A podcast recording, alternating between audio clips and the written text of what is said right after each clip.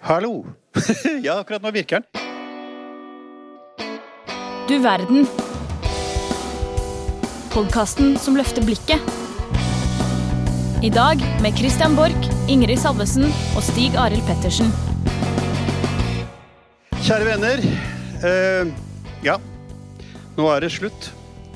Dette er sluttstreken. Nå har vi bestemt oss for å gi oss. Fire års godt samboerskap og vennskap og fryktelig mye moro er over.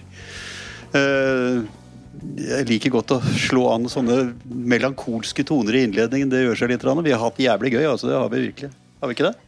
Vi har det. Ja. Men nå legger vi altså mikrofonene på, på hylla, simpelthen fordi at nå har vi ikke kapasitet til å drive dette lenger ordentlig. Så godt som det skal være. Ja, vi som har, vi har bare Vi som har så mye kapasitet, Kristian. Altså, dette er jo rett og slett bare en eh, Hva skal jeg si? En, en vi, gjør, vi, vi, setter egentlig bare en strek for det som allerede har satt en strek for seg selv. kan man kanskje si. Det er ikke så mange av dere som har hørt noe fra oss på veldig veldig lenge. Og så tenkte vi at uh, det er ikke noe gøy at ting bare fisler ut man må jo liksom ha en gravøl og si nok er nok, ferdig, halas, finito. Uh, dette var gøy, nå gjør vi ikke det lenger. For det var gøy. Vi har hatt det kjempegøy, og vi er veldig glad for at mange av dere som er her i dag, har uh, fulgt oss. Og hvis vi har fått noen helt nye i dag, så ligger det masse episoder ut uh, i podkasten, så det er bare å gå tilbake og høre på det. Men uh, vi vil da takke for oss på den måten vi gjør best, ved å arrangere en kul utenrikspolitisk kveld. men før vi gjør det, så må vi takke noen. For det er ganske mange som har liksom, hjulpet og holdt oss i live de tre og et halvt årene vi har eksistert. Eh, vi har en liten takkeliste. Eh, først og fremst vil vi takke forlaget Cappelen Dam, som jo har vært vår samarbeidspartner hele tida. Eh, vi har fått lånt studio og teknikere og sånn av dem. Det har vært veldig hjelp for oss. Og så må vi takke Fritt Ord, som har støtta oss to ganger, så vi har kunnet dratt på norgesturné og holdt debatter i Trondheim, Kirke Kirkenes, var du der? Nei, Bergen. Tromsø var det. Eh, rundt omkring i landet, forsiktig nå. Eh, fra Trondheim. Nesten det samme. Nei da. Ok. Og så vil vi takke lydteknikerne våre. Jeg vet at noen av dere er her eh, i kveld. Dere har hjulpet oss gjennom tre og et halvt år. Det er Eivind Arne Jensen Larsen, Klas Nok, Jakob Skippersen Nesdal og Eivind Vullum. Og takk til Kulturhuset, som vi er på her i kveld, men som vi har brukt flittig, flittig opp igjennom, eh, også da for lanseringa vår for tre og et halvt år siden. Så vi slutter en sirkel her i kveld. Eh, og så skal vi da få opp kveldens eh, første panel. Eh, det er Iver Neumann. Eh, langvarig norsk utenrikspolitisk forsker, instituttdirektør på NOVA. Anne Hege Simonsen, medieforsker ved Oslo OsloMet. Tove Bjørgaas, utenriksjournalist i NRK, programleder i podkasten Krig og fred, som er NRK sin utenrikspodkast. Og Gunnar Sakrisen, ansvarlig redaktør i Bistandsaktuelt, kom opp. Gi dem en applaus.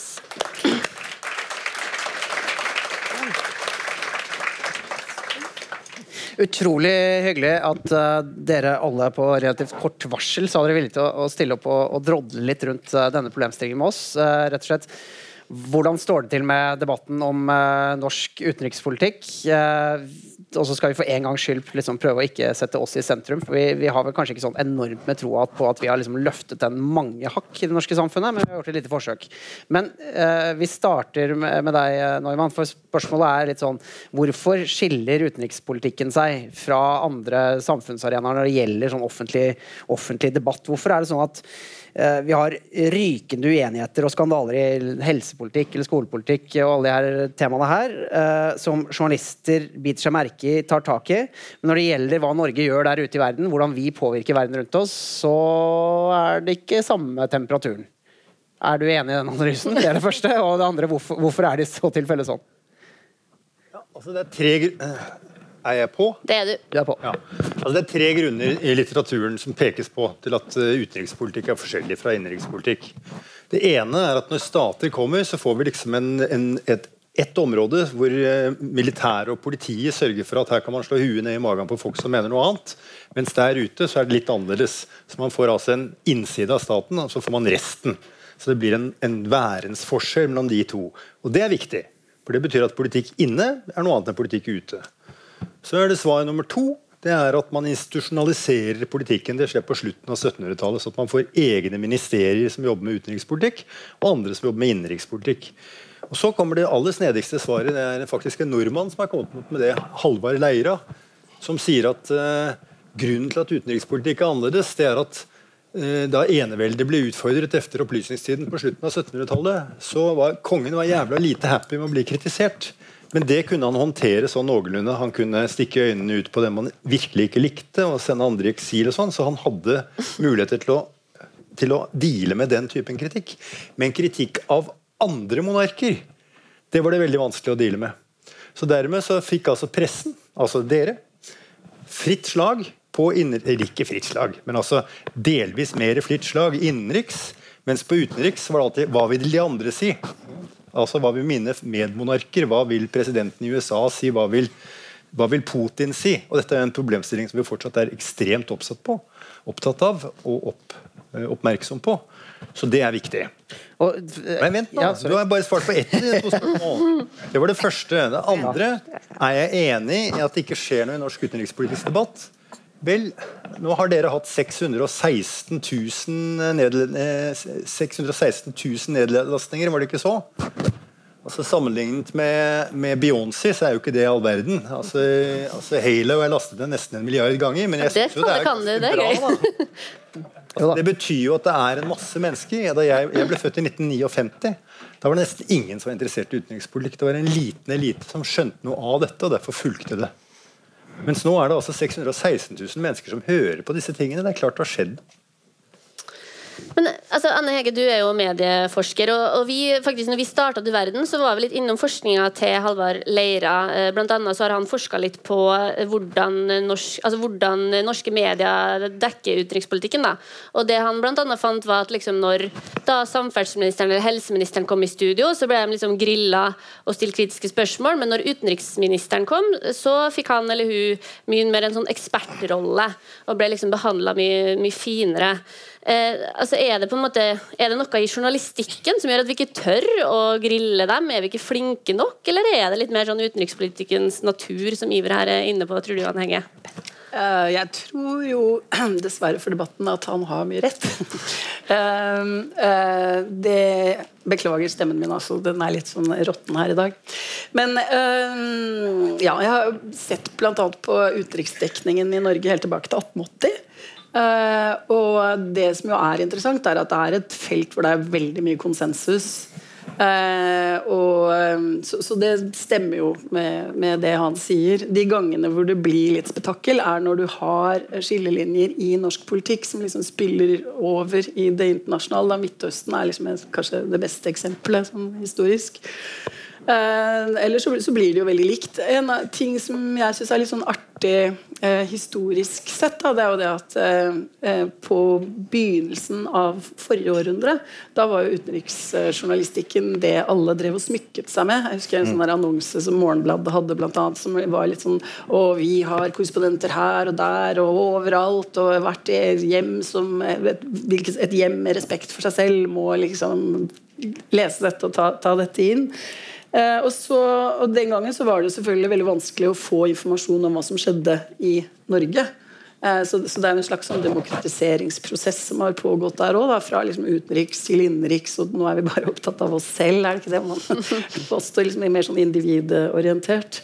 Eh, så, så det er noen sånne Men den der konsensus Det konsensuspreget går liksom litt sånn igjennom. Da. Og, da, og så er det vel også noe med det til tross for at veldig mange reiser og ser ting, så har liksom fortsatt utenriksfeltet har en sånn litt sånn esoterisk eh, klang, og det er litt sånn litt opphøyd på en eller annen måte. Da. Så det er, liksom, det, det er en slags sånn respekt for de som kan analysere verden, som kanskje ikke er så stor når det gjelder helsepolitikk og andre ting som alle liksom kan se på. Og, og det som har vært en del av vårt prosjekt, har jo det vært å Ok, det, vi så at det var fulle hus når det ble diskutert sånn hvor, hva er det som skjer i Palestina, eller hva er det som skjer i USA med valget der, eller hva, som er, hva er det som skjer i de forskjellige landene.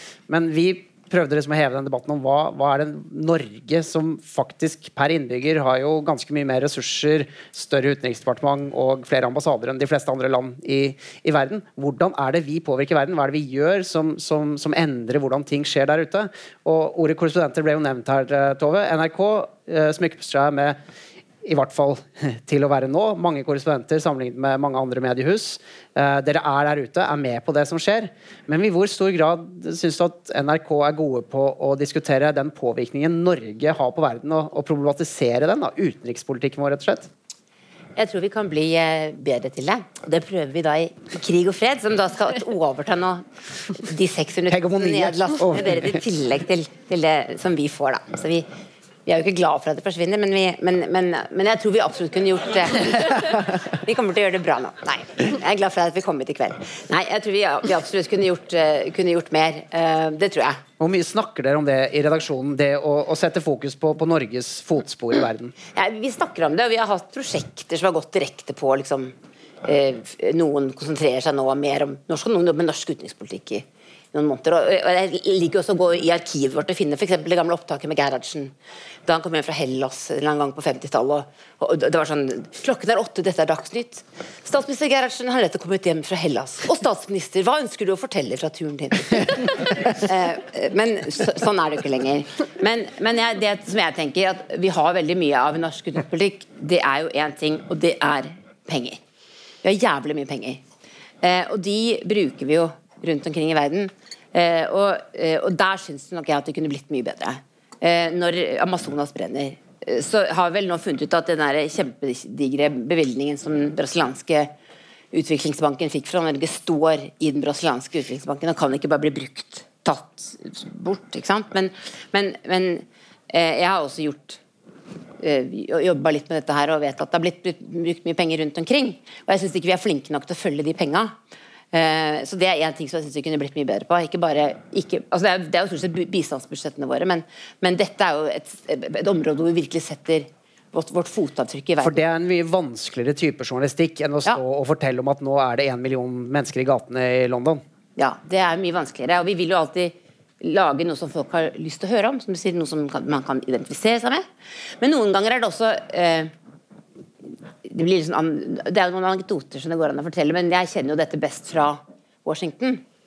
Eh, hvor, hvor jeg har vært i forskjellige perioder og med forskjellige typer utenrikspolitikk. Og den er jo litt spesiell, den som drives akkurat nå, kan man si. Eh, men det burde også gi rom for å åpne opp, fordi man, ingen, ingen, det er jo ingen regler eh, lenger.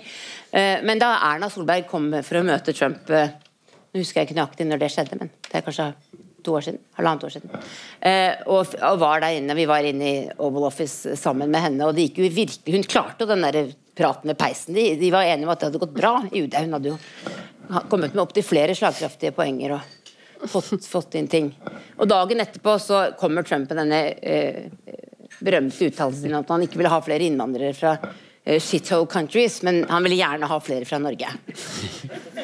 Og da husker jeg at jeg tenkte at ikke, dette må vi jo dekke liksom nå. Han tenkte kanskje på Norge fordi det, det var siste taler her, men, men vi må spørre statsministeren hva hun syns om det. Men det skulle, gjorde vi ikke. Så, så jeg, følte, føler kanskje at det, vi noen ganger kan vi må, jo, vi må ha kontakt med med alle disse landene, og det er kanskje litt som Iver Neumann sier, at man, man må forholde seg til sine kolleger der ute. men eh, vi kan komme tilbake til akkurat det, vi skal få inn deg, Gunnar, også. Nå, sa Krisen, og nå snakker jo Tove Bjørgaas her litt om det å følge pengene. Og dere i Bistandsaktuelt dere er jo en sånn eh, nisjeredaksjon som praktisk alt har eh, som mandat da, å skape debatt om norsk utviklingspolitikk, som er en stor del av utenrikspolitikken. Og da også bistandsbudsjettet, som vi er inne på her eh, nå. Altså, men, men eh, syns du at eh, Syns du at dere er flinke nok til å eh, følge, både følge pengene, men også grille liksom, politikerne på de valgene som blir tatt da, i utenriks- og utviklingspolitikken? Eh, vi prøver jo, i hvert fall. Og eh, det er en svær pengesekk, dette bistandsbudsjettet. Og på en del områder så, så, så går vi tettere på. Vi har skrevet for veldig mye om korrupsjon i norsk bistand gjennom årene. Og vi prøver også å følge de si, nye, store bevilgninger, sånn som fondsbevilgninger. Eh, klima er en ting. Vi hadde f.eks. en stor sak om eh, utdanningsfond. Og hvor, hvor, hvor, smart det er å lage veldig mange sånne fond. Og hvor man kanskje mistenker at noen fond opprettes for å profilere norske regjeringspolitikere i større grad enn fordi at det er et reelt behov akkurat på det, på det området. Så vi gjør i hvert fall et forsøk. Eh, vi ser også på lesertallene at eh, det er tilsynelatende i hvert fall en økende interesse for, for feltet. Ja, det er interessant. Og dere er, jo, altså, dere er jo helt uavhengig styrt av Redaktørplakaten, og sånn, men dere er samtidig helt avhengig av statsbudsjettet for å i det hele tatt uh, eksistere. Uh, altså, har det noen gang påvirka hvor kritisk dere føler at dere kan uh, være? Vi har nok i utgangspunktet lagt opp til et løp for å forebygge en del konflikter. Det må innrømmes. Altså, vi skriver f.eks. ikke om uh, kantinesladder om uh, mellom Norad og Utenriksdepartementet. Ja, for dere sitter i Norad, Vi egentlig? Vi sitter jo har jo faktisk kontor i, i ja. Norads lokaler. Men ellers så syns jeg jo at vi gjennom åra, gjennom jevn og, jevnt og trutt uh, arbeid, har fått en aksept for den måten å jobbe på og det å stille kritiske spørsmål til, til uh, utenriksministeren og utviklingsministeren. Samtidig så kjente meg jo igjen i det Christian Borch snakket om. Hvor, altså, at man omgir seg med en mur av uh, forsvarsadvokater uh, som du må gjennom først før du kan få en uttalelse. Uttalelsene blir jo gjerne da skrevet av en eller annen, og du kan få lov til å sitere. Så ja, nei, det er blitt, eh, akkurat det har blitt vanskeligere. Og Neumann, Du kjenner deg sikkert litt igjen i det bildet som Christian tegna opp også, for du har jo gått mye i gangene på Victoria terrasse eh, også, kjenner mye folk der, har satt deg inn i utenrikspolitikken, har skrevet om hvordan Norge utformer og utøver sin utenrikspolitikk.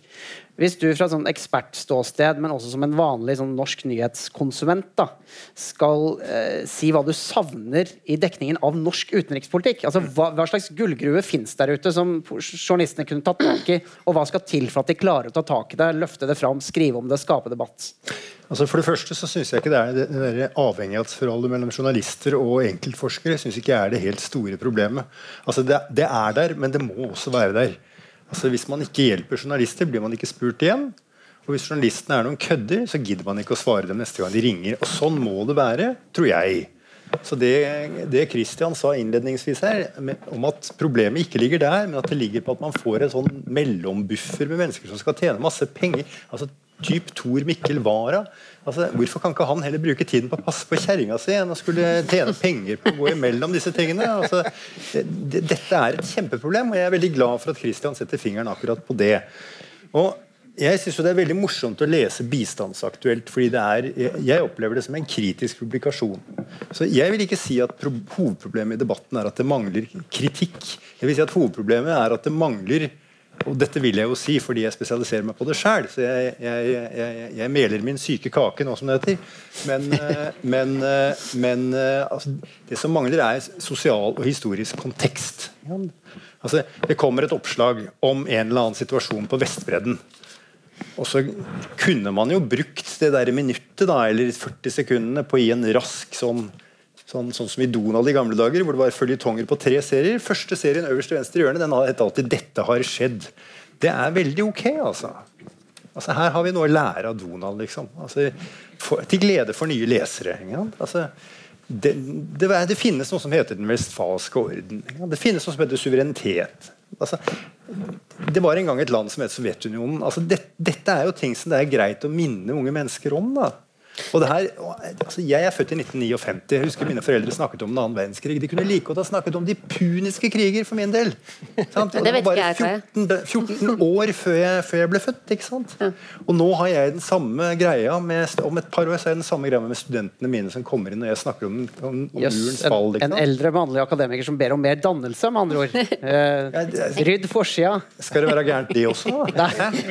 Men du har ikke svart på spørsmålet, da. Om liksom sånn, hva er det hva er det du savne, da, hvis vi først skal jeg se det, Jeg savner historisk og sosial kontekst. Ja. Rett og slett. At Istedenfor å si 'dette har skjedd', sånn og sånn, så går man tilbake og så sier man 'ja, men før dette, sånn og det og det og det'. Og Det syns jeg rett og slett er for lite av. Jeg syns det er for mye medias altså, rett på saken. eh, i, i mediedekning av norsk utenrikspolitikk. Bjørgaas? Ja, vi har forsøkt oss på noen sånne som vi kaller Urix forklarer, som er litt sånne korte artikler på nett, også med de type faktaboksene. Dette er konflikten i ja, dette er Tyrkias rolle i Syria. ikke sant? Sånn, sånn type ting. Så jeg tror du har helt rett i det. at folk vil ha liksom, Man vil bli satt inn i ting.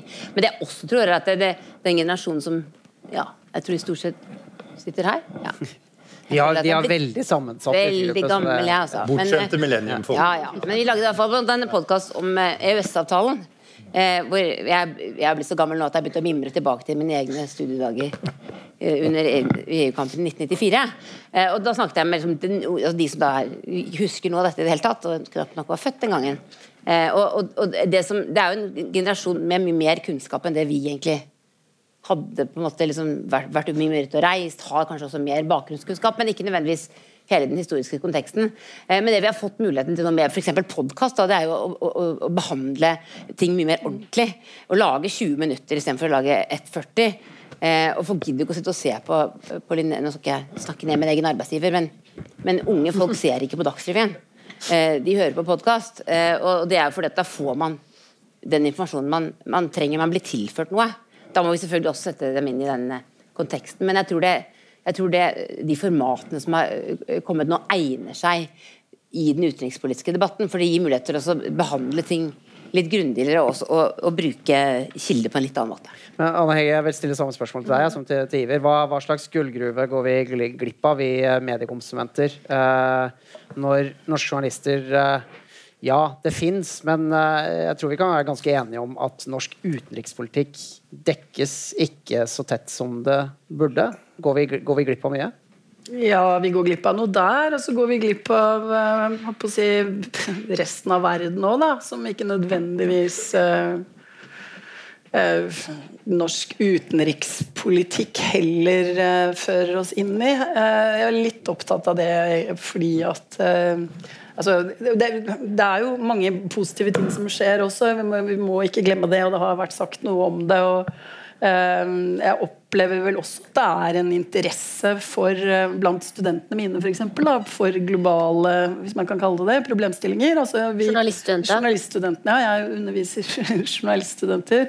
Eh, og at eh, dette her med at vi i verden i dag på en måte er mer sammenvevd, det har vi jo vært før òg, men nå er jo det, det har jo også akselerert, liksom. Så det, går jo, det er tydeligere nå da, enn det det var før. Eh, og at kanskje eh, sant? Altså, det er litt sånn Hva er det du definerer som politikk? Eh, Det jeg blir irritert av, er sånn hvis vi skal bruke masse Eller når mediene bruker masse ressurser på å følge kronprinsen og kronprinsessa rundt omkring. Liksom, ikke sant? Altså, det er kjempekjedelig.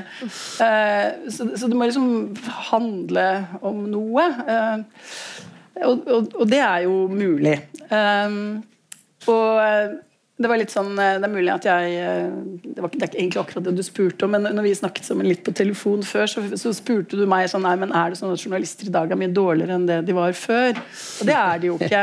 Egentlig så er jo hver enkelt journalist mye flinkere. Og, og hvis man sammenligner da igjen med liksom journalistikken i gamle dager, og i og for seg helt opp til i håper å vår tid, eh, så, så, så er det jo noe med at i dag, så når journalister reiser, så vet de at de menneskene de treffer, har navn. Eh, De er, mye, ja? Altså, de er blitt mye flinkere til ikke å lage store og grusomme gruppestereotypier. Altså, så, så det har jo skjedd en masse sånne ting, men det er jo noe med rammevilkårene for eh, for utenriksjournalistikken, da, som jeg mener går litt utover akkurat det å bare snakke om norsk utenrikspolitikk. Uh, som jeg gjerne skulle sett. Og det handler i og for seg mye om kontekstualisering også, og, og kunnskap om verden. Eh, og det å gi folk muligheten, gi journalister muligheten til å faktisk liksom reise, ikke bare rykke, men reise og kunne noen ting. Etablere et slags sånn kunnskapsarsenal som de kan hente av når noe skjer. Ja, for de Rammevilkårene er jo egentlig litt viktige hvis vi vil ha bedre journalistikk, både om verden, men også om Norges rolle i verden. Så må det jo være eh, penger eh, til det. Ja. og Vi var jo litt inne på det, sa Krisen, med, med hvordan eh, Du kan få kommentere på det. Bare Ja, for det er bare én bitte liten Ja. ting som jeg tenkte jeg skulle si òg, som jeg syns er litt viktig. For at jeg syns at det har vært veldig tette skott mellom innenriksjournalistikk og utenriksjournalistikk. Mm. Eh, og jeg tror at sånn som verden er nå, så bør de brytes ned. Det er veldig mye god utenrikspolitikk eh, som kan komme Eller utenrikspolitisk dekning som kan komme ut av det. da. Ja. Eh, nei, bare tenkte jeg skulle få inn det med rammevilkårene med deg, sa Kristen. Er det sånn at eh, altså, Kunne bistandsaktuelt Er det helt umulig å se for seg et marked for den type journalistikken dere gjør uten statsbudsjettstøtte? Altså, har dere prøvd noe annet, skal jeg si?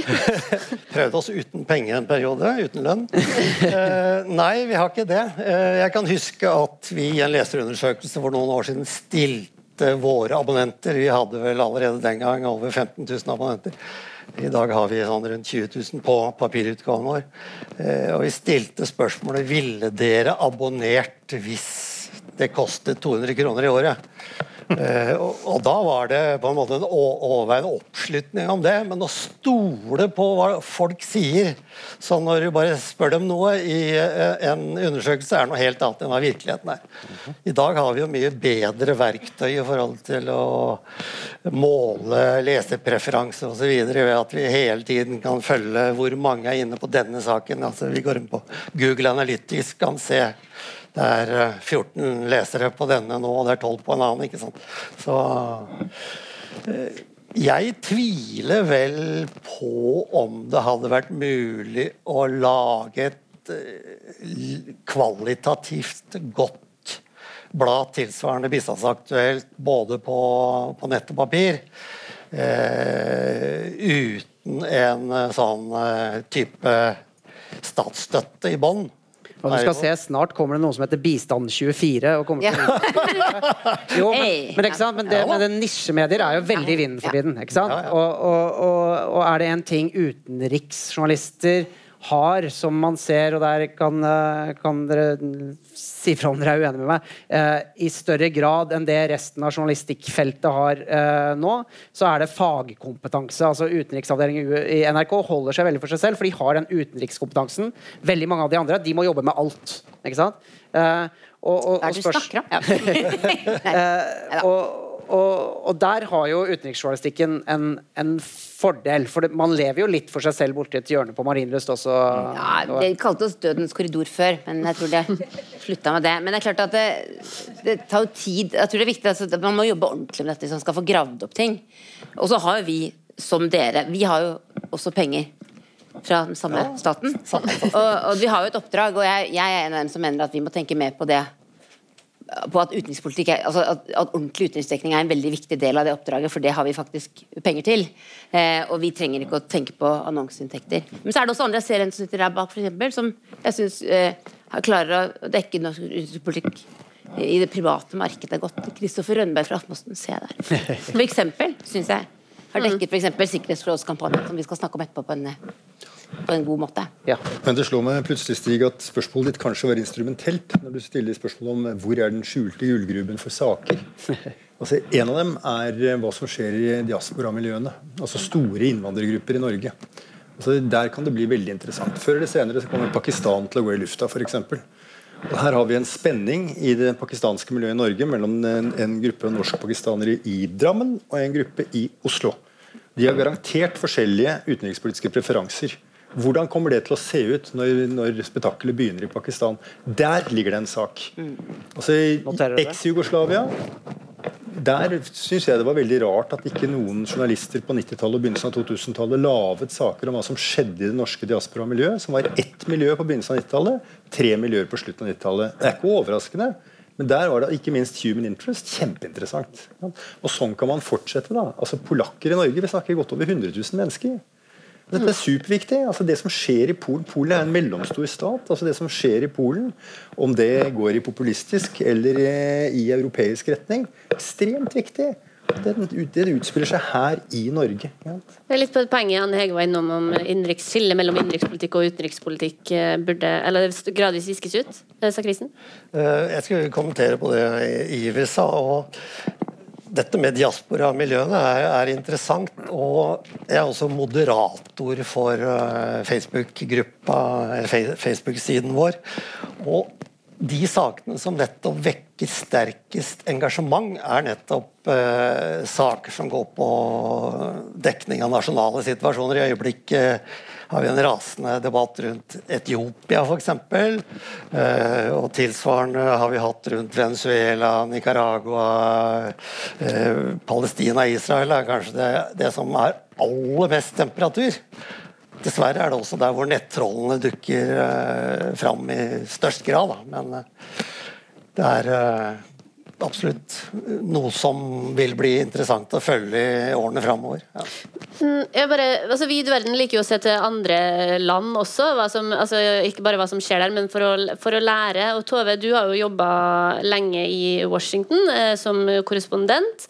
Eh, Merka du noe forskjell der på hvordan liksom, dine amerikanske kollegaer dekker amerikansk utenrikspolitikk, versus hvordan eh, norske journalister dekker norsk utenrikspolitikk, f.eks.? Det har sikkert litt med landsituasjonen å gjøre, men eh, Ja, det er jo et eh, mye større land med en mye større presse, som også har blitt enda mye større. Altså, jeg, jeg kom dit først i 2006. og jeg husker liksom, Vi lagde en rar sak med den første videobloggeren. Liksom, en blogger, hva er dette for noe merkelige greier? Publiserte på noe som heter YouTube. Eh, men, men ikke sant, det har kommet en enorm flora. Men så, har det, men så er det også det med Det, det handler også om at eh, og spesielt nå, selvfølgelig, da, at den enorme makten presidenten har i, i utenrikspolitikken, gjør at det på en måte kanskje er litt lettere å følge Nå er det jo egentlig ganske, ganske enkelt, fordi Trump sitter jo og bestemmer veldig mye. Og State Department er satt litt ut på, på sidelinja. Eh, så nå vil jeg jo si at jeg, nå er det veldig, veldig ettergående. Mye, mye mer enn det vi ville vært i, i, i, i Norge. Men det er jo den samme debatten som man har hatt her om at det, det, det skifter med politisk farge, dette her. Eh, men, men det er jo noen veldig gode Det handler jo igjen om kunnskap og om å tørre å Altså at du har folk som har bakgrunn. Og jeg syns det mest spennende amerikanske medier gjør, er jo liksom å komme på innsiden. Og fortelle om hva som skjer inne i situation. Og i hvilken grad er da norske journalister som prøver å dekke utenrikspolitikk, gode på det? Altså ha, som litt som Christian snakket om, da, pleie omgang med folka som, som er der ute og lager norsk politikk og representerer Norge, og som kan gi informasjon. Nå er det jo ikke sånn at vi Norsk presse eh, videreformidler anonym eller eh, altså anonyme opplysninger. Nei, det er jo en veldig stor forskjell. Mm. Det- er jo er, er det det som er hovedproblemet? Er det derfor vi ikke gjør det på samme måten i Norge? Det er jo vanskelig å fortelle de, samme historiene når du, når du må oppgi navnene på alle de du har snakka med. Ja. Eh, fordi det, det er jo en kjempefordel for historiefortellingen, sånn som man holder på i USA. Og det er jo veldig spennende å lese de historiene. Eh, vi kunne sikkert blitt flinkere til det. Jeg har traska mye rundt på ambassaden i Washington, f.eks. Men, men det er jo ikke, liksom- det er på en måte ikke like det er like spennende. Men så er det også noen som har klart å lage gode saker. Dagens Næringsliv for eksempel, har hatt noen gode gravesaker fra mer sånne diplomatiske fora. da. Så Kristen? Eh, NRK har jo gjennom året hatt en rekke dyktige utenrikskorrespondenter. Og de bruker dem jo også i stor grad. Eh, Spørsmålet er om man også kunne gjort noe for å supplere dette. Jeg tenker på Vi i Bistandsaktuelt har kjørt en linje hvor vi har holdt oss med et nett av lokale korrespondenter. Og jeg mener at det er et viktig supplement til kanskje det som i noen tilfeller er en vestlig forståelse av enkelte konflikter. Kunne man tenke seg at NRK supplerte sin dekning, kanskje vanskelig på TV og radio, men f.eks. på nett, med stemmer fra de aktuelle landsituasjonene?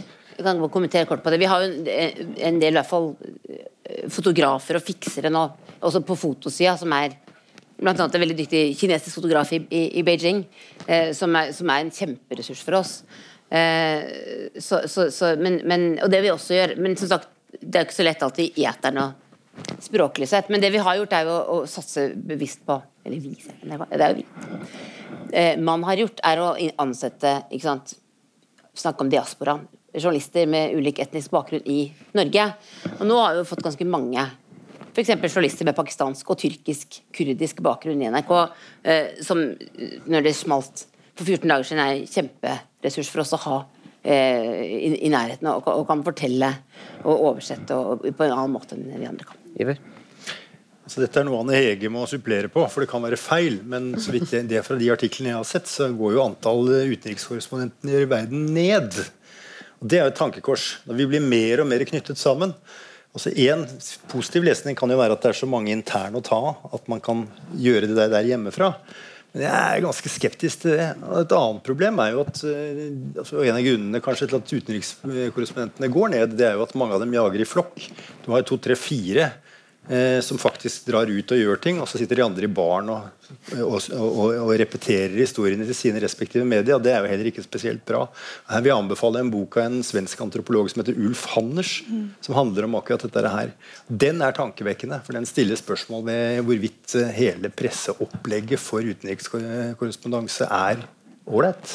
Men nå tråkker jeg i ditt ben, Hege. ja, jeg har også lest den boka, men den begynner heldigvis å bli litt gammel. Eh, det som eh, jo, Man kan jo skryte litt av NRK da, i den sammenhengen der, for de har jo virkelig et, eh, de har jo utvidet sitt korrespondent, korrespondentnett.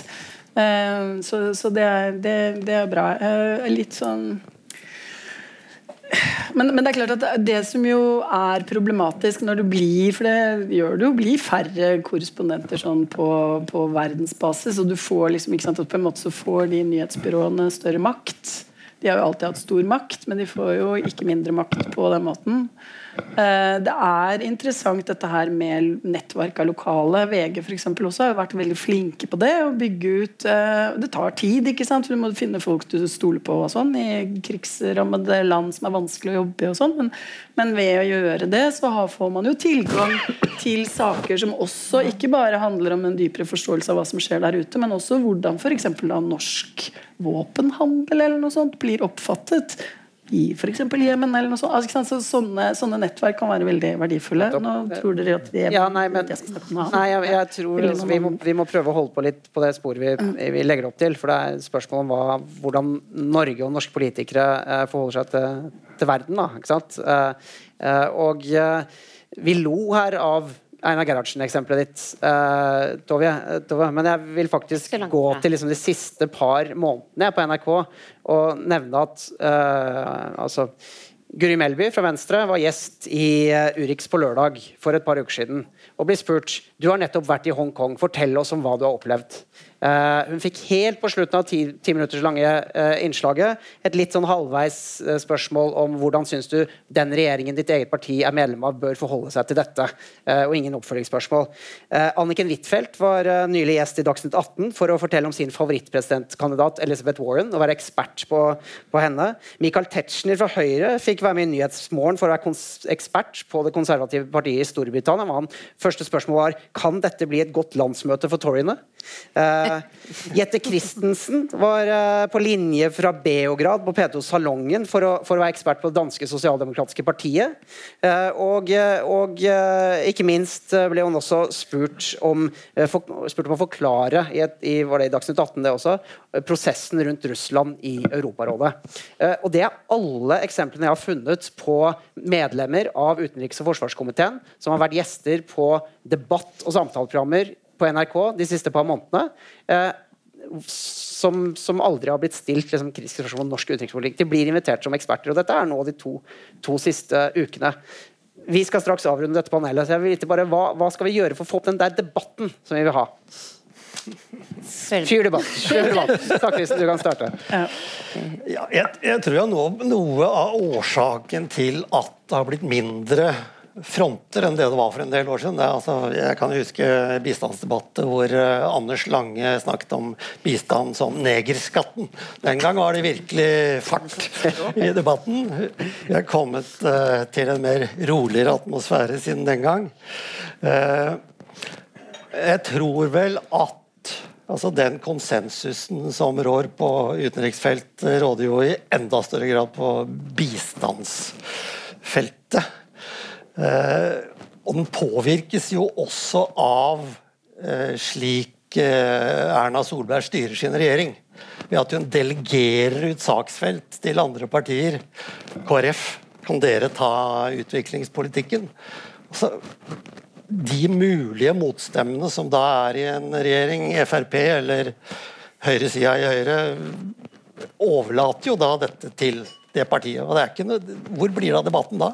Tilsvarende har man jo hatt med den rød-grønne regjeringa, hvor SV, som tidligere var et uh, tydelig fløyparti i utenrikspolitikken, har forstummet. De har jo ingen tydelige uh, utenrikspolitikere, så vidt jeg kan skjønne. Tåle. Nei, Det er litt urovekkende, de eksemplene du kom med der. Um, da tenker jeg liksom, Har vi for få forskere som kan snakke på radio og TV? Så vi må leie inn politikerne isteden. Uh, det, noen, det er det kanskje litt sånn at vi skal ha noen som, kan, noen som funker, som det heter. Men det er klart at man må stille dem kritiske spørsmål når de er politikere.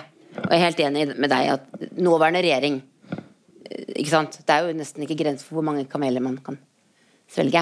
Så med alle de partiene, og alle er enige om ja. Så, så det, er, det er, det er det er det, og det er vår jobb å passe på. Men Dere lagde nettopp en podkastepisode om Norges uh, sikkerhetsråd. sikkerhetsråd. Ja. Hvor mye spørsmål var det der om skal, hvorfor skal Norge sitte i Sikkerhetsrådet? Er dette i min interesse og i vår interesse? Der forsøkte jeg å belyse hvordan denne kampanjen pågår. Hvordan man bruker masse penger på å reise til stillehavsøyer fordi hvert land har én stemme hver. Hvordan man har uh, gimmicker og, og, og, den type ting. Uh, og, og så liksom på en måte vise, da, uten å stille spørsmål helt direkte, at det kanskje ikke har så sinnssykt stor betydning om det er oss, Canada eller Irland som sitter her, for verden. Eh, og, og, men, og, selvfølgelig, men jeg har valgt å Eller vi, lag, vi har liksom en litt mer sånn undrende tone i den podkasten vår. Jeg er ikke så glad i at alt skal bli en politisk debatt. Og jeg syns noen ganger man kan show not tell, som vi sier i journalistikken. Ja. Eh, men man må selvfølgelig stille nok kritiske spørsmål til mamma. Ja. Um jeg tenker jo at det er et uh, problem i en del større medier, og dette er ikke i og for seg noe kritikk av utenriksredaksjonen i NRK, men dette med at man havner litt altså At det blir mye sånn kuratering av uh, stoff, mer enn at man faktisk lager det selv. Uh, så jeg syns jo til tross for klimaskam, altså flyskam og alt sånt, at journalister bør flytte på seg. De bør ut og reise, de bør ut av kontoret, de må ut og snakke med folk. De må gjøre alle de gode, gammeldagse tingene. Og så Når det gjelder det her å få debatt, så syns jeg jo faktisk at vi har vært inne på noen ting her. Det finnes noen steder hvor det er skillelinjer som man kan bruke. Jeg er enig, jeg er ikke interessert som debatter bare for debattens skyld. Sånn her har vi én for, én mot. Det blir bare dumt. Men, men interessante problemstillinger og konfliktlinjer finnes det mange av. Og så finnes det jo et sånn godt gammelt BBC-konsept som Hardtalk, som man jo kan kjøre på noen av disse her politikerne som du nettopp nevnte. Det ville vært gøy. Det kan være neste podkast. Være en time. Ja. liksom, ja. Hardtalk Norge. Jeg er helt enig i det siste der. Og Det betyr også at eh, Gerhardsen og andre politikere i posisjon og hva de mener, det er jo faktisk jævla viktig for hva som skjer. Så jeg syns det er helt legitimt. Ja. Altså Kritikken her er at det gjøres på en servil måte, men det skal jo gjøres på en hyggelig måte. Og altså, Du nevner hard talk. Strålende med apostrof i, i Frankrike. Samme greia. altså Gi folk plass til å breie seg. Hvis personen er interessant nok, så er det kjempeinteressant. det. Og jeg tror at eh, Feilen som ofte gjøres, og jeg nå gjentar jeg et poeng, men eh, det er at man tenker eh, koreografien som boksekamp istedenfor å tenke som teater. og Jeg vil fremheve denne debatten som et eksempel på hvordan man kan få frem ting. og Det kan være temperatur, og jeg synes det var veldig morsomt, uten at man driver og slår hverandre i ansiktet metaforisk. Så Det å tenke teater istedenfor boksering tror jeg er en veldig god start for norsk utenrikspolitisk journalistikk. Den oppfordringa tar vi med oss alle sammen. Teater istedenfor eh, boksering. Da kan jo vi prøve å ha litt teater etterpå. Vi skal faktisk ha en eh, debatt om norsk utenrikspolitikk her i kveld også. Eh, vi skal ha en liten pause først. Eh, men da vil vi takke dere for at dere eh, kom og hjalp oss å bli klokere. Det syns jeg vi ble. Ja. ja. Takk.